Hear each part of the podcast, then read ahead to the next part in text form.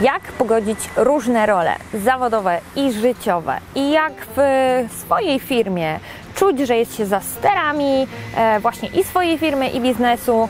E, dzisiaj e, książka Silna przedsiębiorcza kobieta Ani Kupisz Cichosz i kilka moich refleksji na ten temat, zwłaszcza teraz, kiedy już zostałam mamą.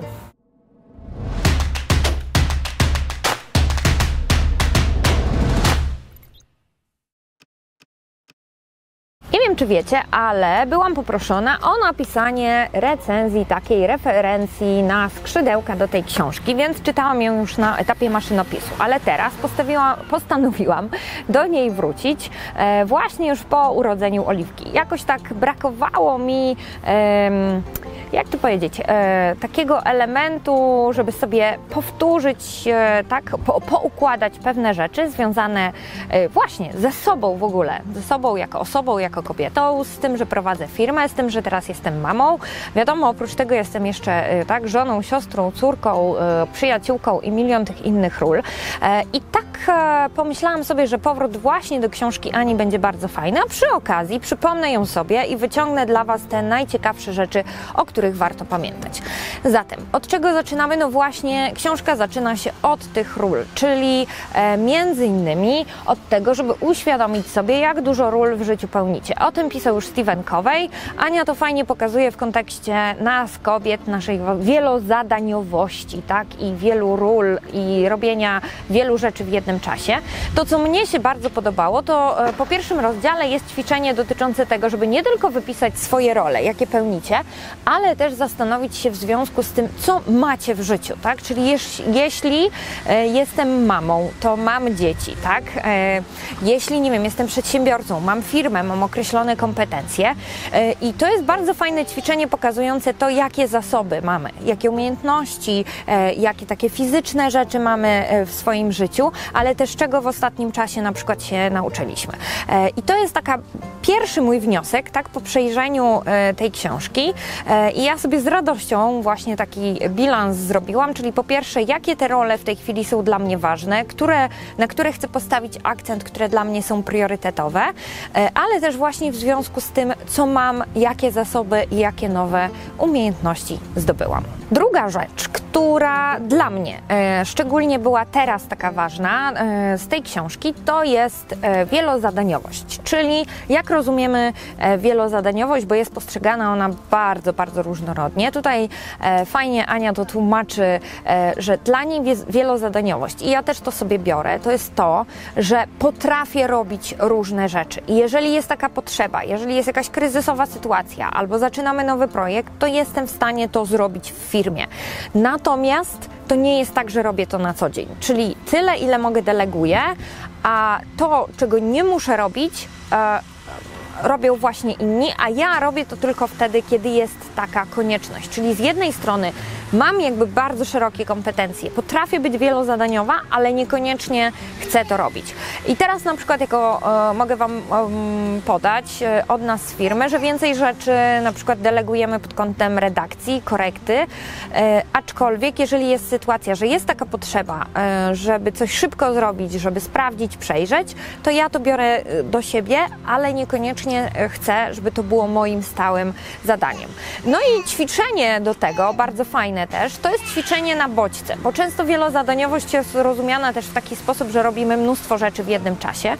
E, I ja sobie takie ćwiczenie wzięłam e, i tak do siebie, gdzieś tam do mnie bardziej trafiło na ten moment, jakie bodźce mnie rozpraszają. I nie chodzi tylko o bodźce typu, tak jak tu moja oliwka się odzywa gdzieś w tle, bo jesteśmy akurat, jak widzicie, w, tak, w terenie i jesteśmy tu całą, całym naszym stadem, o mogę tak powiedzieć. E, ale chodzi też o takie bodźce, które Was rozpraszają, jeśli chodzi o myślenie.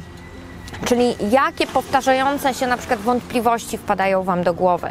Może jakieś wyrzuty sumienia, może są to y, znowu jakieś myśli, y, nie wiem, o zadaniach, które Was wybijają, bo są Waszymi takimi żabami, które się odwlekają w czasie i nie są zrobione.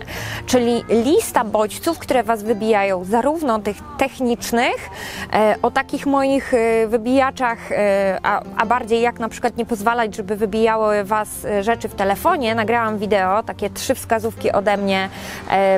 Znajdziecie link poniżej też do tego wideo, ale też właśnie te myśli, które się pojawiają. Także zachęcam, bardzo fajne ćwiczenie o bodźcach. Kolejna rzecz, i to uważam za bardzo ważne, bo jak spotykam się z wieloma osobami i też wcześniej prowadząc szkolenia, bardzo często mi się to trafiało, to była kwestia odpoczywania.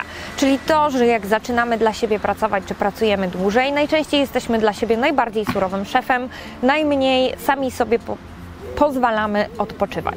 I tutaj taka kwestia właśnie znalezienia tego czasu e, na regenerację sił. Ja często to powtarzam, że jeżeli e, ciężko Ci przychodzi odpoczywanie, bo kojarzy Ci się z lenistwem, pomyśl o tym jako o okresie na regenerację.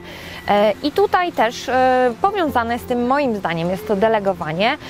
Jeśli zaczynasz delegować, to wypisz sobie wszystkie rzeczy, które masz do wydelegowania, czy wszystkie zadania w ogóle, jakie robisz, a na nawet jeśli już delegujesz, to ja co jakiś czas też to stosuję, że staram się wypisać wszystkie zadania, jakie mam i zastanowić się, co jeszcze mogę wydelegować innym osobom i co jako pierwsze. Czyli yy, zobaczcie, już pierwsza rzecz, jaką zdejmiecie sobie z głowy, zmniejsza Wam tą listę.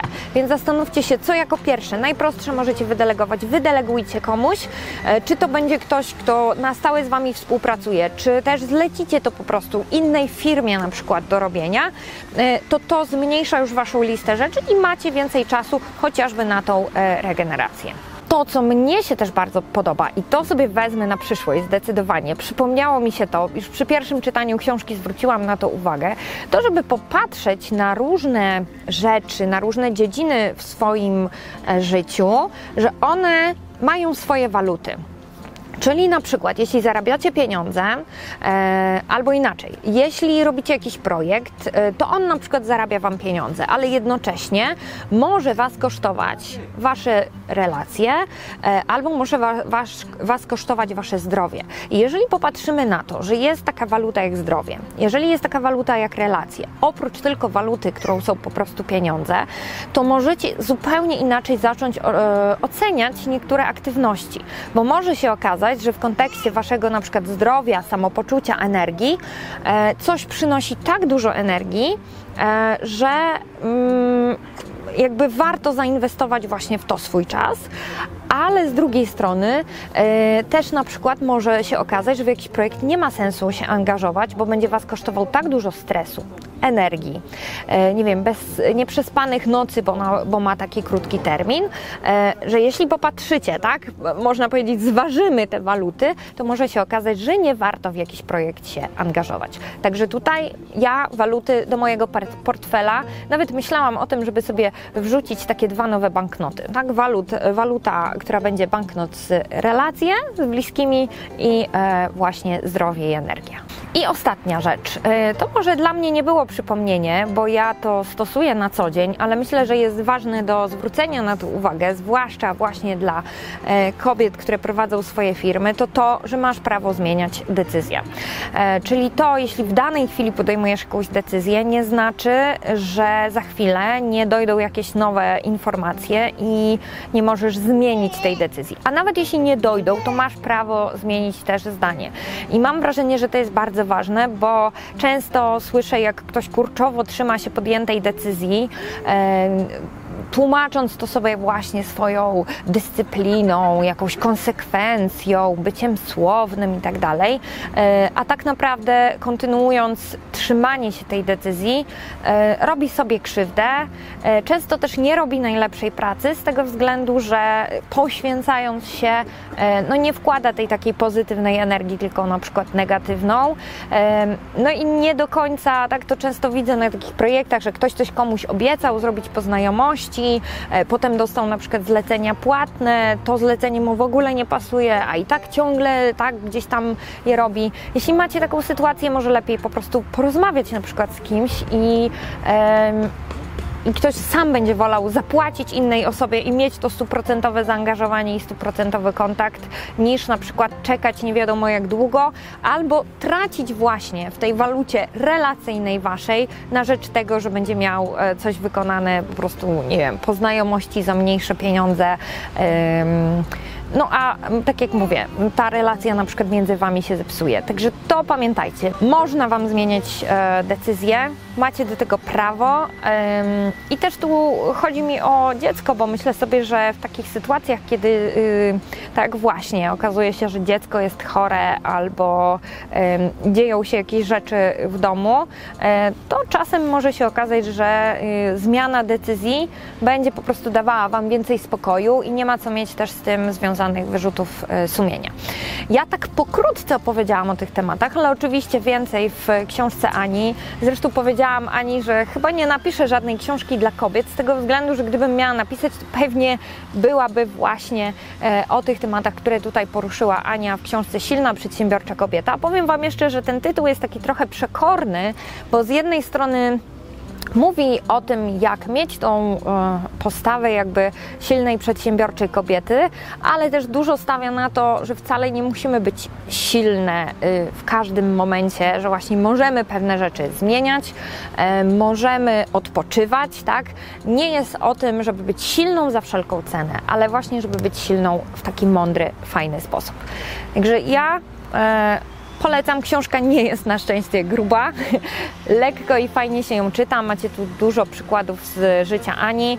E, no a ja też polecam jako jej przyjaciółka i ktoś, kto wie, e, że to, o czym pisze, jest rzeczywiście bardzo spójne z tym, jak żyje i funkcjonuje e, i działa zarówno w biznesie, jak i w rodzinie, jak i po prostu w swoim życiu.